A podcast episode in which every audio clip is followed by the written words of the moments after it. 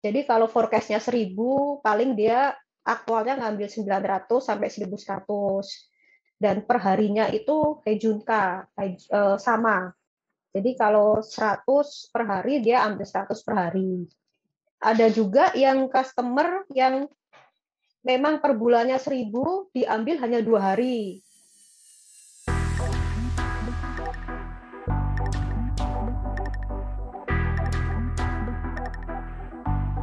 Halo pendengar setia LSCM Podcast, welcome to LSCM Podcast Season 1 bersama saya Rizky Revianto Putra.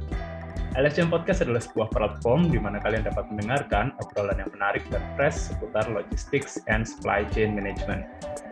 Kali ini kita akan membahas sebuah industri yang sangat menarik karena industri ini adalah industri yang sangat dekat dengan kehidupan kita, yaitu industri otomotif. Seperti yang uh, saya yakini, bahwasannya kalian semua para pendengar pasti memiliki satu atau dua eh, motor atau mobil di dalam garasi rumah kalian.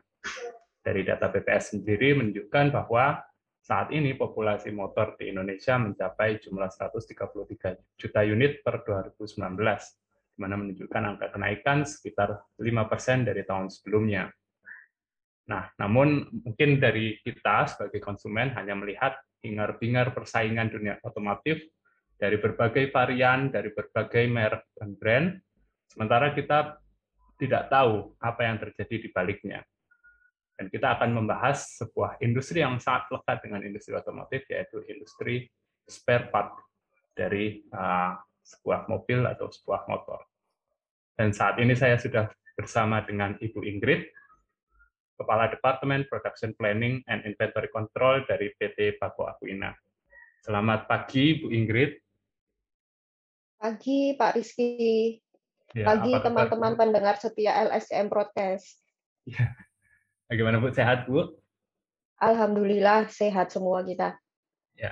Mungkin saya pertama-tama mau mengucapkan terima kasih sudah menyempatkan waktunya untuk bersedia sharing di uh, platform kita LSM Podcast. Oke, untuk mungkin untuk memulai perbincangan kita, Bu Ingrid, mungkin uh, sebagian dari kita, bagian dari pendengar belum pernah nih mengenal apa sih PT Paku Akuina itu. Mungkin bisa sedikit diberikan overview terkait dengan bisnis proses dari PT Paku Akuina ini.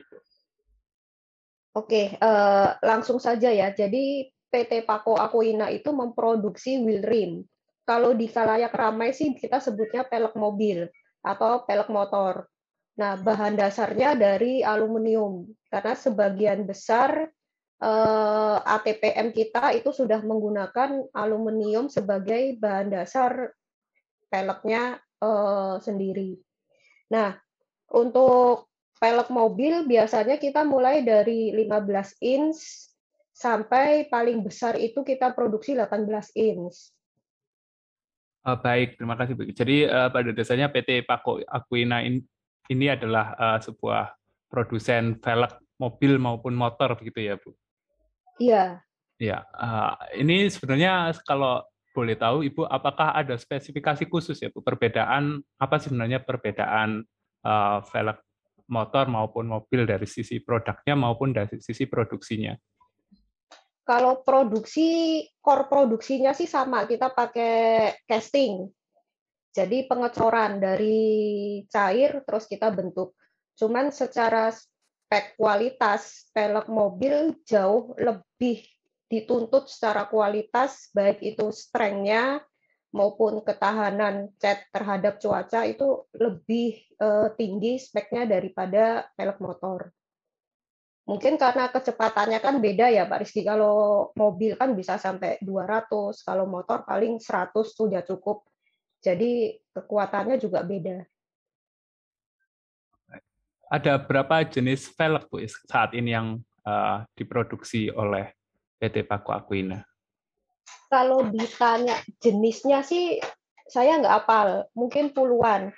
Cuman kalau yang customer terbesarnya untuk yang motor itu kita supply hampir 100% ke Astra Honda Motor. Kalau yang mobil itu mungkin 60% lokal itu punya Toyota dan Daihatsu, Nah, 40 persennya itu kita supply ke Daihatsu tapi yang produksi di Malaysia. Berarti juga mengirimkan produk hasil produksinya itu ke luar negeri ya, Bu? Salah satunya ke Malaysia ya? Iya, yang paling besar ke Malaysia, Jepang juga ada untuk TMC, cuman nggak terlalu banyak sih. Iya, Bu Ingrid. Uh, mungkin pertanyaan ini agak sedikit uh, ada masalah terkait dengan isu privasi perusahaan, tapi seandainya Bu Ingrid bersedia untuk menjawab, apakah PT Pako Akuina ini juga mensupport uh, brand-brand motor atau mobil di luar uh, Astra Group, brand-brand di luar Astra Group? Iya, uh, sebenarnya kita support juga untuk yang Daihatsu Malaysia itu kan sudah di luar Astra. Sama yang uh, ke Jepang itu juga murni di luar Astra. Nah, mungkin kebetulan aja sih uh, hampir mayoritas pasar kita itu kan dipegang uh, Astra ya untuk yang car maker ataupun motorcycle. Jadi kebetulan uh, pemimpin pasarnya Astra, jadi kita kena imbasnya aja sih. Produksi terbesarnya juga untuk maker Astra juga. Baik, Bu. Mungkin saya agak sedikit bergeser ini Bu uh, terkait dengan siapa saja sih sebetulnya supplier dari Paco Group ini? Apakah murni mengambil supplier dari dalam negeri atau ada supplier-supplier tertentu dari luar negeri, Bu? Nah, kalau kita ngomong supplier yang terbesar kan raw material ya. Tadi kan kita raw material aluminium. Eh, dulu semua 100% raw material kita itu disupport dari Dubai sama Australia. Karena kita eh, belum punya eh, aluminium yang sesuai spek untuk kendaraan bermotor. Nah, mungkin dua atau tiga tahun ini kita sudah masuk dari Inalum. Jadi waktu itu ada kebijakan pemerintah kalau berapa persen dari produk lokal itu harus disuplai sama material lokal. Kemudian kita buka channel ke Inalum dan kebetulan mereka mencoba masuk eh, dengan beberapa trial dan akhirnya berhasil untuk masuk ke segmen industri. Baik. Uh, yang saya tangkap justru komponen utamanya sampai paling tidak sampai saat ini itu uh, adalah import ya Bu dari India maupun dari Australia? Gitu. Dari Dubai. Oh, dari Dubai maupun dari Australia. Nah, uh, berkaitan dengan itu, Ibu, karena ini adalah uh, core core komponennya sekali dari produksinya PT Paco Aquina ini, artinya segala perencanaan uh, uh, pembelian itu harus uh, semuanya precise ya. Kira-kira selama ini adakah masalah Ibu terkait dengan itu karena apakah dengan memiliki supplier di luar negeri itu akan menjadi sebuah isu dalam mungkin delivery-nya atau mungkin ada agreement tertentu dalam kontrak dan lain sebagainya. Uh, isunya atau kalau kita bilang tadi Pak Rizky bilang precise sih sebenarnya nggak terlalu sih. Karena ya kita sama-sama belajar ya forecast itu kan hanya pendekatan. Dan nggak selalu forecast itu benar. Mungkin ada selisih 10-20 eh, persen. Nah, kebetulan pada saat pandemi itu selisihnya itu bisa sampai hampir 90 persen. Jadi eh, forecast-nya sama, mungkin kayak teman-teman pelajarin kita pakai dulu kalau saya ada moving average atau apa, itu nggak bergerak sih. Jadi jadi rata-rata forecast kita bisa prediksi untuk bulan depan pemakaiannya berapa. Cuman karena impor, ini kan kita butuh waktu. Nah, biasanya kalau sekarang kita bulan Oktober, kita itu sudah buat order untuk dua bulan ke depan. Berarti untuk Januari. Nah, padahal kita baru punya fix ordernya kan di Oktober aja ya Pak Rizky ya. November, Desember, Januari itu kan baru forecast. Nah, biasanya sih kita bikin safety, cuman pada saat pandemi yang gelombang pertama itu kita benar-benar kayak overstock uh, raw material kita. Karena kita masih percaya kalau forecastnya itu membaik. Ternyata uh, pada saat pandemi uh, mungkin karena orang-orang pada work from home uh, adik-adik kita sekolah juga daring jadi pembelian motor sama mobil itu turun. Nah padahal pada saat itu kita juga nggak bisa menghapus order Karena seperti yang Pak Rizky bilang, kita terikat kontrak. Jadi begitu eh, kita keluarkan PO, purchase ordernya keluar, itu kita nggak bisa membatalkan. Beda kalau lokal kan mungkin mengalami hal yang sama ya, karena sama-sama pandemi, pemerintahnya juga kebijakannya sama. Jadi mungkin masih bisa, eh, tolong dok yang ini jangan dikirim dulu, itu masih bisa. Cuman kalau impor, eh, pandeminya sama, cuman biasanya timing pandeminya kan beda. Mungkin saat ini Indonesia lagi tinggi, di Australia udah rendah atau kebijakan pemerintahnya beda. Jadi pada saat itu itu saya ingat sekali kalau kita bilang maksimum stok material kita itu sebenarnya cuma dua minggu. Itu udah maksimum. Tapi pada saat pandemi pertama sama pandemi kedua terakhir ini yang baru selesai, itu kita sampai dua bulan itu nggak beli material. Nah karena materialnya kan e, ingot, batangan gitu ya, satu batang itu sekitar 10 kilo. Nah, kita sampai punya waktu itu satu juta kilo. Jadi semua area pabrik itu sampai dipakai untuk tempat menyimpan. Karena gudangnya juga udah nggak cukup. Nah, hal-hal yang seperti itu sih sebenarnya eh,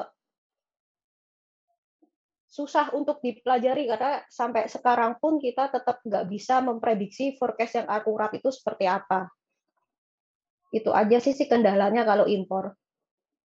Iya, baik. Uh, memang masalah COVID-19 ini uh, dampaknya luar biasa sekali ya Bu, untuk semua industri, bahkan nggak cuma industri uh, otomotif dan uh, supportingnya, dan sangat menarik untuk membahas dampak dari uh, eh, COVID-19 ini. Saya sebenarnya banyak sekali pertanyaan terkait itu, tapi sebelum meloncat ke sana, Bu, sebelum saya terlalu bersemangat hmm. untuk membahas COVID-19, mungkin saya uh, mau menggali sedikit, Bu. Jadi, uh, ada nggak sih, Bu, uh, karakteristik atau perbedaan-perbedaan tertentu yang dimiliki oleh supplier impor, supplier dari luar, dibandingkan supplier dari dalam negeri? Apalagi uh, sebentar lagi ya Bu dalam dua tahun tadi katanya akan uh, memindahkan supplier untuk uh, aluminiumnya itu ke dalam negeri. Kira-kira ada sih enggak uh, perbedaan karakteristiknya? Perbedaan sih ada sih Pak Rizky. Kalau kita ngomong supplier, tadi saya sorry sempat saya revisi. Jadi bukan dua tahun ke depan kita akan memindahkan, cuman dua tahun ke belakang itu kita sudah mencoba untuk memakai inalum walaupun uh, dengan jumlah yang sedikit, mungkin hanya lima persen dari uh, dari totalitas yang kita pakai. Nah, kalau kita ngomong supplier tentu beda-beda, tergantung. Uh, kalau raw material kan pasti supplier besar ya, karena kan dia punya banyak kebijakan, apalagi ini kan sumber daya alam.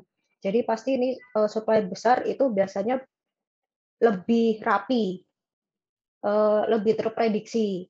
Jadi kalau mereka juga biasanya minta forecast ke kita. Nah, kalau supplier bahan pembantu, kalau bahan pembantu di kita itu biasanya kita sebutnya consumables. Nah, consumables itu hampir semuanya lokal. Supplier lokal pun sendiri ada yang eh, PT, ada yang CV juga. Nah, untuk CV ini memang agak susah untuk supply. Kalau tiba-tiba naik itu biasanya mereka kedodoran. Atau kalau tiba-tiba ordernya turun, otomatis kan yang masuk ke pabrik juga kita harus rem kan ya. Karena kita nggak mau pabrik kita kebanyakan eh, barang baku. Nah itu mereka biasanya juga merasa tolong dong diambil karena gudang mereka juga kebanyakan.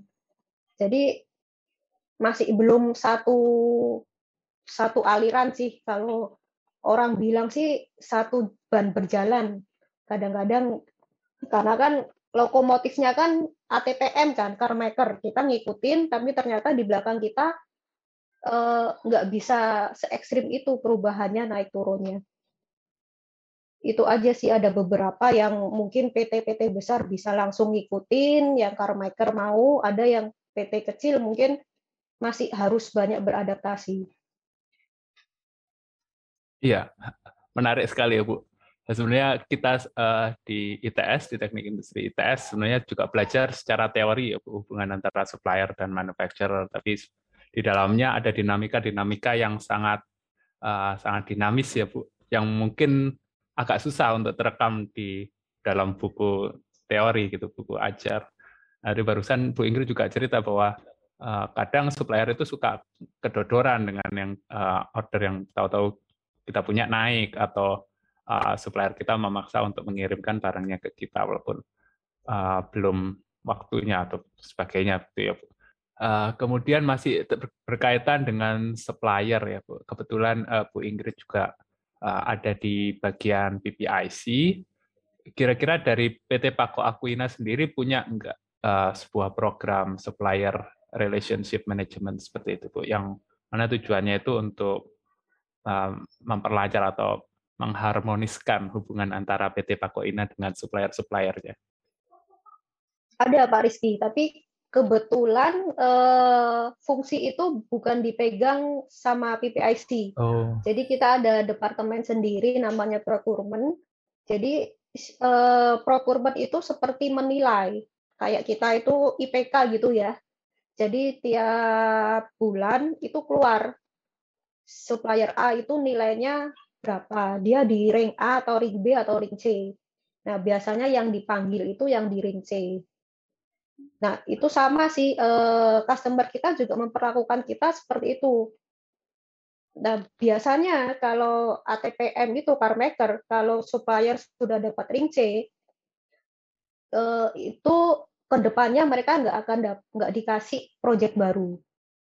Jadi kalau mereka punya eh, desain baru atau punya mobil baru, itu supplier-supplier yang ring C langsung di nggak dikasih order.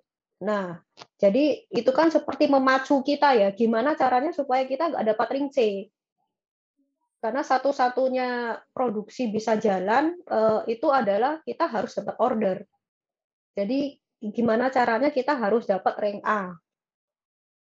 Nah, itu sih. Jadi sama kayak supaya kita memperlakukan hal yang sama seperti itu walaupun mungkin tidak terlalu ketat sih. Yang ring C pun terkadang kita panggil, terus gimana caranya, mereka keluarnya apa. Mungkin bisa aja yang salah justru eh, kita sendiri, karena forecast dengan aktual pengambilannya beda jauh, sehingga mereka tidak bisa supply. Itu aja sih. Ah, menarik ya, Bu. Uh, kemudian saya tadi juga tertarik, uh, berarti sebetulnya PT Pako Akuina ini bukan supplier tunggal atau bukan pemain tunggal dalam produsen velg ya Bu. Apakah banyak produsen velg di Indonesia Bu? Bagaimana level intensitas persaingan dalam industri velg mobil dan motor di Indonesia? Kalau pemain tunggal jelas bukan Pak. Jadi motor sama mobil itu kan kalau mobil velgnya aluminium sama steel ya. Yang steel itu biasanya buat serep, ban serep atau mungkin buat taksi atau angkot itu mungkin teman-teman masih lihat. Nah, untuk aluminium itu ada beberapa pemain besar juga. Yang terlihat di kita sih ada tiga pemain besar termasuk Paku Akuina. Nah, biasanya sih kita tetap dinilai dari QCDSM. Jadi eh, rapot kita mungkin setahun terakhir dari quality itu seperti apa. Ada klaim tidak uh, ada klaim customer atau tidak, ada klaim yang masuk ke pabrikan atau tidak. Terus secara cost, apakah kita itu kompetitif harganya? Secara delivery kita sering telatan atau on time. Seperti itu sih Pak Rizky. Nah, tapi untuk yang mobil, untuk yang steel itu untuk sekarang kita pemain tunggal. Oh. Cuman karena steel kan marketnya nggak banyak, jadi ya itu tetap sih, tetap perjuangannya yang dialami. Baik, baik, menarik ya. Kita semua mungkin nggak banyak tahu ya, cuma sebagai konsumen mungkin terima barang jadi motor dan mobilnya, tapi kita kadang uh, lupa atau abai gitu tentang apa yang terjadi di balik semua itu. Ya mungkin selanjutnya saya agak bergeser lagi Bu, meloncat uh, ke posisi Ibu bekerja saat ini yaitu sebagai uh, Kepala Departemen PPIC. Mungkin bisa sedikit diceritakan Bu ke eh, ke pendengar setia LSCM Podcast, apa sih dinamika yang terjadi dalam divisi PPIC itu? kalau kita mahasiswa teknik industri di TS belajar PPIC itu adalah pemersatu bangsa, bukan pemersatu perusahaan ya, yang menghubungkan oh, benar kok, kami itu pemersatu bangsa. pemersatu berbagai kepentingan di dalam perusahaan. Mungkin bisa sedikit di-share dari pengalamannya Bu Ingrid, bagaimana sih dinamika berada di divisi PPIC? Uh, eh, bedanya begini, kalau saya awal dulu keluar lulus gitu ya, lulus dari ITS itu kan sebenarnya bukan PPIC. Saya sempat diproduksi. Cuman di otak saya itu tetap gini, uh, saya ini kan teknik industri. Masa nggak di PPIC sih? Jadi ya karena anak baru fresh graduate diproduksi oke okay lah ya. Uh, setelah waktu berjalan akhirnya saya dapat di PPIC dan setahun diproduksi itu justru berkah buat saya jadi benar sih uh, produksi itu kan panjang. Misalkan kalau di kita itu ada casting, pengecoran, terus ada machining, uh, kemudian painting. Biasanya departemen-departemen itu kan fokus sama hasilnya sendiri.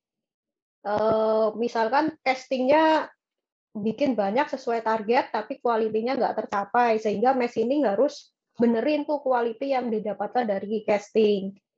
Ujung-ujungnya juga paintingnya nggak bisa supply karena machiningnya kan tadi telat harus benerin dulu kualitasnya. Nah, selama saya jadi orang casting ya saya merasa target saya terpenuhi.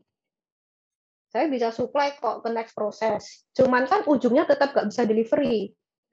Nah, di situlah fokusnya tugas delivery yang tadi Pak Rizky bilang pemersatu bangsa itu. Nggak ada gunanya casting itu eh, produksinya oke okay, atau machining produksinya oke, okay, tapi painting nggak bisa bikin barang karena kita jual ke customer itu kan end process. Nah biasanya di situlah terjadi singgung meninggung. Biasanya casting merasa nggak ada masalah kok departemen saya oke oke aja. Mes ini juga nggak ada masalah kok target saya terpenuhin. Cuman kita digaji kan dari barang yang dikirim ke customer.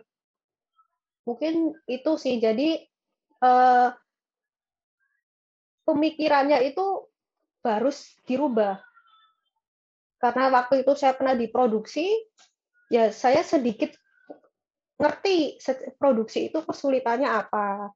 Terus mereka itu suka dibantu untuk menyelesaikan kesulitan-kesulitan itu. Nah, tetap diketahuin sih kalau di ujungnya adalah barangnya berangkat ke customer, bukan oke okay casting atau oke okay machining, oke okay painting. Itu yang harus diakui dari casting sampai machining. Jadi orang casting itu sekarang tahu dia produksinya itu berapa. Deliverynya udah berangkat atau belum. Karena kalau belum berangkat, biasanya sih kalau saya pribadi itu saya ngejarnya ke belakang. Barangnya itu ada masalah di mana. Atau memang casting nggak bisa supply, atau dia supply tapi bukan yang dikirim, mintanya misalkan uh, tipe A ternyata yang dibikin tipe B. Jadi uh, harus dicari sampai ke ujungnya sih kalau jadi PPIC. Karena kalau ngejar di proses akhir, proses akhir kan biasanya hanya menerima kan, menerima saja, nggak bisa dapat totalan problemnya ada di mana. Sebagai orang yang berada di divisi BPIC uh, eh, pasti yang dilihat adalah helikopter view-nya ya dia berusaha melihat semuanya dari atas memastikan uh, semuanya berjalan lancar kurang lebih itu baik dari sisi hmm, proses benar, prosesnya maupun uh, whole prosesnya termasuk mungkin ada isu-isu di dalam pergudangannya ibu? Procurement-nya atau uh, warehousing-nya? Kalau isu terhadap pergudangan sih yang selama ini kita pakai biasanya eh, produksi itu nggak sejalan dengan planning yang ditetapkan. Jadi sebenarnya PPIC itu kan eh, dari barang masuk sampai barang keluar itu kan dikontrol di situ aliran barangnya. Eh, jadi barang si orang gudang incoming sudah memfokus mendatangkan barang A untuk produksi tipe A ternyata diproduksi tidak siap gitu misalkan toolingnya tidak ada atau toolingnya yang siap ini produk B nah biasanya daripada mesinnya off atau produksinya berhenti, eh, pemikiran produksi biasanya ya udah naikin aja eh, tipe B. Yang penting kita nggak kehilangan waktu, padahal eh, incoming-nya belum disiapkan. Biasanya sih isunya lebih seperti itu sih, Pak. Baik. Uh, ya, dengan berbagai permasalahan yang dihadapi oleh seorang PPIC manager, ya, menurut pandangan Bu Ingrid sendiri secara personal, kira-kira seorang PPIC manager itu harus mempunyai kualifikasi seperti apa sih untuk bisa menjadi seorang PPIC manager yang baik? Ini saya ambil dari mentor saya dulu waktu saya pasti unyu-unyu gitu kali kayak Pak Rizky gitu ya. Jadi PPIC itu adalah lokomotif. Jadi lokomotif itu kan penggerak. Kalau lokomotifnya berhenti, itu gerbongnya kan berhenti juga. Cuman kalau lokomotifnya itu jalan, berarti gerbongnya juga jalan. Nah, seberapa cepat gerbong ini jalan kan tergantung lokomotifnya kan. Kalau lokomotifnya bisa 100 km per jam, gerbongnya juga ngikutin. Nah, kalau secara teori mungkin semua orang juga bisa belajar. Dan saya percaya itu nggak ada orang yang uh, nggak bisa belajar. Jadi selama kita belajar, kita pasti bisa teorinya. Cuman yang terpenting di PPIC itu adalah drive. Jadi gimana kita mendrive uh, teman-teman kita uh, satu angkatan atau di bawah kita atau mungkin di atas kita itu untuk melakukan hal yang sama kalau delivery itu adalah nomor satu. Jadi yang terpenting sih selama saya bekerja justru bukan ilmu-ilmu teoritis. Kalau saya dibandingkan dengan ngomongin mesin testing gitu ya, mungkin orang metalurgi lebih jago. Saya nggak ngerti sebab mereka aluminium itu mencair di suhu berapa atau dia berubah komposisi di suhu berapa itu saya nggak ngerti. Cuman uh, karena kita nggak sedetail itu pengetahuannya, kita harus bisa mendrive mereka. Nah, mungkin banyak kenapa teknik industri itu yang uh, lihat dari lokomotif, iya. Tapi kalau kita lihat dari lokomotif, tapi kita nggak do something, itu kan sama aja. Kita tahu, tapi kita diam aja. Nah, yang terpenting itu adalah PPIC adalah actionnya. Drive-nya seperti apa mengajak uh, teman-teman dari atas sampai bawah untuk melakukan tujuan yang sama itu seperti apa? Itu aja sih. Jadi kalau di pabrik sih biasanya saya dikenal orang yang paling cerewet gitu loh. Paling bawel gitu. Jadi sekarang mungkin saya cuti bahagia kali mereka. Ya, ya bisa apa dibayangkan. Sih. saya kan juga selalu bilang ke subordinat saya kita kan digaji orang produksi digaji karena memproduksi barang. Nah, PPIC digaji itu ya karena untuk koordinasi. Jadi selama orang itu nggak bilang kamu cerewet, itu berarti kamu nggak kerja. Saya selalu bilang gitu sih. Iya menarik. Saya jadi ingat, iya sebenarnya kalau boleh sedikit cerita curhat, saya juga sempat uh, kerja di bagian purchasing ibu, dan memang betul uh, manajer PPIC itu orang yang harus cerewet sepertinya itu ya. Karena memang harus ngurusin cara ini. Karena kita kerjanya begitu Pak Rizky. betul. Kemudian uh, mungkin sebelum masuk ke masa COVID-19 ya Bu, mungkin masa-masa sebelum COVID, uh, boleh di-share nggak kira-kira tren dari uh, permintaan maupun uh, produksi yang dilakukan oleh PT Pako Aquina ini seperti apa, Bu? Sebelum eh, datangnya COVID-19. Eh, terutama terkait saya melihat hmm. ini, Bu, apa fenomena ojek online itu ya, Bu, sekarang semakin sangat dimudahkan sekali uh, orang untuk membeli motor baru uh, dengan kredit pinjaman ojek online. Saya membayangkan demandnya naik terus dari tahun ke tahun. Namun dari sudut pandang Bu Ingrid sendiri, kira-kira trennya bagaimana, Bu? Uh, benar sih Pak Rizky. Jadi sebelum kalau seingat saya pandemi itu Maret ya. Betul. Maret. Nah, di Januari, Februari pun kita itu masih yakin dengan forecast kita. Kalau kita akan gain banyak di tahun ini. Jadi uh, kita semua udah nyusun strategi forecast-nya akan tetap naik, baik lokal maupun ekspor. Nah, semua sudah dikerahkan ke arah situ, baik material, terus bahan pembantu, eh, spare part, terus uh, human resource-nya juga. Begitu menghadapi Maret, itu kita kayak balon kehilangan angin gitu loh.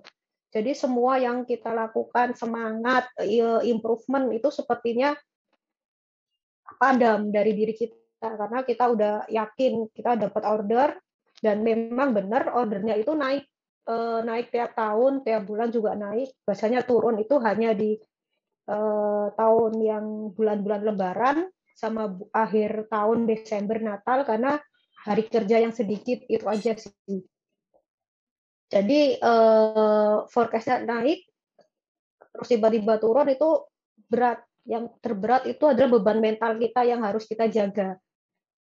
Kan kalau kita jadi leader kan biasanya kita kan merasa ya ini berat gitu. Gimana caranya kita bertahan dengan forecast yang sedikit. Tapi gimana kita tetap bisa mendrive anak buah kita supaya mereka punya semangat yang sama ketika ordernya naik. Nah, uh, berita baik sih ini ya, baik, ini kan iya. sudah Oktober, November. Nah, berita baiknya ini November, Desember saya baca-baca atau saya lihat forecast yang didapat dari tim marketing atau tim uh, car maker itu sudah mulai membaik. Bahkan uh, order kita yang kita dapatkan itu jauh lebih banyak daripada sebelum COVID mungkin ini titik balik atau seperti apa saya juga nggak tahu. Uh, tapi tahun depan forecastnya sangat baik, baik itu untuk motor maupun untuk mobil. Itu sih Pak Rizky dan semoga sih semua perekonomian juga ikut merasakan pembaikannya. Baik. Uh, tren meningkat sebelum COVID ya Bu tren meningkat sebelum COVID ini terjadi baik di dalam maupun di luar negeri ya, Ibu ya? Atau kira-kira iya, ada nggak sih perbedaan spesifik terkait dengan pola permintaan di luar negeri maupun pola permintaan di dalam negeri? Ada nggak perbedaan-perbedaan itu? Uh, spesifik sih uh, mungkin karena lead time aja karena waktu. Kalau misalkan tahun ini itu kita Lebaran bulan apa Mei ya Pak Rizky ya. Nah iya. biasanya ya. Mei itu forecastnya langsung turun karena mungkin uh, mereka sudah punya mobil, sudah punya motor, belinya mungkin berarti di Maret April kan ya. Nah, cuman kalau di luar negeri itu yang turunnya adalah satu bulan sebelum Lebaran. Tapi di bulan Mei-nya itu tetap tinggi. Nah, ini biasanya kita yang harus uh, akalin, harus koordinasi. Gimana kerja dengan hari kerja yang sedikit, tapi outputnya banyak. Nah, orang bilang kan kalau di Indonesia ini terlalu panjang liburannya. Libur Natal panjang, terus libur tahun baru panjang, terus libur kecil-kecilnya panjang. Nah, kalau di Malaysia itu libur Lebaran itu cuma dua hari. Dua atau tiga hari. Jadi kita begitu masih mudik gitu ya, pulang ke Surabaya udah diteleponin kapan bisa ngirim gitu apalagi di Jepang. Di Jepang itu hanya mengenal libur uh, musim panas. Jadi itu kan beda. Kita lagi sholat id, ada WA masuk gitu. Forecastnya ternyata naik. Uh, beda musim itu aja sih kalau masalah ekspor. Baik, baik menarik Ibu. Oke, ah uh, ya saatnya kita bahas tentang dampak dari COVID-19 ya. Ini uh, selalu akan menarik untuk membahas ini di berbagai industri, industri apa pun itu. Nah, uh, spesifik di industri uh, spare parts atau industri velg untuk produk otomotif, Ibu. Jadi sudah disebut bahwa wah COVID ini betul-betul deh uh, apa yang sudah kita rencanakan, peningkatan segala macam ternyata jatuh karena adanya COVID ini yang menyebabkan gudang kita penuh, kita nggak bisa uh, menjual, mengeluarkan barang, dan sebagainya. Kosnya yang timbul luar biasa akibat COVID ini. Bagaimana uh, PT Pako Aquina ini uh, menghadapi situasi seperti ini, Bu? Terutamanya spesifiknya dalam produksi dan PPIC-nya. Kalau dibilang bagaimana menghadapi sih, kita pasti berdarah-darah juga Pak Rizky. Jadi uh, ini hanya sekedar cerita bagaimana menghadapinya, tapi kalau menurut saya ini bukan sukses faktor karena kita juga uh, nggak smooth untuk menghadapi ini. Jadi seingat saya kan kita ada dua gelombang. Uh, Alhamdulillah sih kebetulan manpower kita, karyawan-karyawan yang bekerja di Paku Akuina itu yang terinfeksi sedikit. Tapi ordernya turun cukup cukup jauh. Jadi yang terjadi adalah kita bekerja misalkan 100 orang, jadi diliburkan bergiliran gitu Pak Rizky. Hari ini masuk 50, yang 50-nya libur. Besoknya 50 lagi yang libur, 50 lagi yang masuk kemarin jadi libur. Kenapa seperti itu? Karena ya kita nggak ada order. Kenapa kita harus bikin 100 pieces kalau ordernya cuma 50? Jadi eh, ada beberapa lini yang sengaja dimatikan untuk menghemat utility, listrik, gas, atau diliburkan untuk menghemat transportasi, uang makan, sampai uang makan aja kita hitung karena uh, udah benar-benar berdarah-darah, nggak ada pemasukan. Ya, uh, maaf Ibu kalau boleh tanya, kalau dalam kondisi normal sebelum uh, COVID, uh, produksi bekerja tiga shift atau satu shift, Ibu? Kita tiga shift. Tiga shift ya. Kemudian iya. uh, COVID tetap tiga masih, dengan pengurangan? Iya, pada saat yang COVID itu tetap tiga shift. Kita punya tiga lini besar, Pak Rizky. Jadi casting, machining, sama painting. Nah, casting itu kan e, berhubungan sama gas. Jadi begitu dia off, dia untuk menaikkan temperatur lagi ke 700 itu butuh waktu. Jadi yang casting tetap tiga shift karena kita nggak mau buang-buang gasnya untuk preheat. Cuman uh, lininya dikurangin. Nah untuk yang machining sama painting itu kita jadi dua shift pada saat COVID. Kalau machining itu kan gampang gitu ya, nyalain kan tinggal on off on off gitu mungkin kayak motor kita nyalain motor. Iya, uh, semoga ini udah mulai berangsur-angsur membaik ya. Semoga uh, PT Paku Akuina sendiri bisa kembali menyesuaikan dan berada di kondisinya semula ya Bu, bahkan mungkin lebih baik. Iya, semua ya. Pak PT Paku ini saja sih harusnya semua perekonomian membaik karena kalau kita ini kan kayak mata rantai kan, kalau satu sendiri membaik tapi eh, kelompok besarnya nggak membaik, kita nggak akan bisa jalan. Iya, ya betul juga ya. Uh, terkait itu juga mungkin ada hubungannya dengan uh, suppliernya ya Ibu ya. Kalau suppliernya juga masih kelabakan, mungkin PT Paku Equina juga ikut akan ikut kelabakan juga memenuhi oh, sekalipun iya, demand-nya naik. Iya, karena waktu yang gelombang kedua kita juga sering sih menerima keluhan dari karyawan kita kalau supplier A delay gitu, supplier B delay. Begitu ditanyain masalahnya sama, maaf Bu, ini karyawan saya lagi kena COVID gitu. Kalau hal-hal seperti itu kan kita nggak bisa mau ngapain ya, mau membantu juga nggak bisa kan. Betul, betul. Iya. Kemudian uh, mungkin eh, saya lupa menanya terkait dengan uh, produk akhir dari PT Pako Aquina sendiri, Bu. Apakah keseluruhannya dijual ke manufacturer mobil atau punya uh, saluran penjualan ke end consumer-nya, Ibu?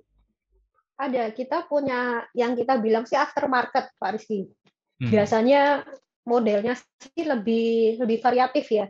Anak muda, anak muda yang suka uh, ganti-ganti pelek itu biasanya kita jual, cuman nggak bisa beli langsung ke pabrik sih. Kita ada uh, distributornya juga. Baik dari sisi produksinya sendiri, apakah mereka dalam satu katakanlah batch production yang sama atau punya lini produksi sendiri, Bu? Untuk lini produksinya sama sih, Pak Rizky. Oh, pakai lini produksi yang sama ya, Bu? Eh, karena standarnya kita samakan. Karena kalau standarnya eh, tiap customer beda-beda, kita susah adjust-nya. Eh, kemudian terkait dengan pengelolaan forecast terhadap demand-nya, Ibu, apakah ada pendekatan yang berbeda antara uh, penjualan ke manufacturer dengan penjualan uh, velg ke distributor? Uh, kalau ya ke ATPM itu lebih mudah ditebak, kecuali yang COVID ya Pak. Jadi kita abaikan dulu. Uh, pada saat normal, musim-musim normal, uh, forecast mereka lebih bisa ditebak dan larinya pun nggak jauh. Cuman kalau aftermarket mungkin karena memang uh, distributornya juga kita yang kita punya masih sedikit, itu bisa naik turun dengan cepat. Ya, uh, mungkin ini sudah uh, semakin mendekati penghujung acara, Ibu. Mungkin saya minta beberapa apa ya perspektif dari Bu Ingrid. Ini kan pandemi sudah menunjukkan tanda-tanda pemulihan, uh, kemudian orang juga sudah mulai hidup dengan caranya sendiri saat ini ya Bu. Hmm. Kira-kira ke depannya apa yang akan terjadi pada industri otomotif menurut pandangan Ibu? Kalau saya lihat eh, berdasarkan pribadi saja ya, ini eh, nggak tahu ekonomi atau seperti apa. Eh, dari Januari itu kan ordernya lumayan tinggi. Kemungkinan bisa dibilang ini titik balik gitu. Pada saat pandemi kemarin kan orang ngerem gitu ya, kayak ngerem mau beli mobil tapi dipakai buat apa? Orang kerja aja di rumah gitu, beli motor buat anak sekolah juga buat apa? Anaknya juga sekolahnya di rumah mungkin setelah itu jadi titik balik gitu. Uh, cuman kurvanya jadi lebih tinggi dari sebelum COVID. Baik itu di dalam negeri maupun di luar negeri. Jadi seolah-olah semua car maker itu mengejar ketertinggalannya sendiri karena mereka kan juga punya target ya uh, car maker T harus produksi 100 juta gitu satu tahun ternyata tahun ini nggak dapat dan mereka harus ngejar target tahun depan jadi, Jadi saya semacam sih masih positif gitu ya? sih.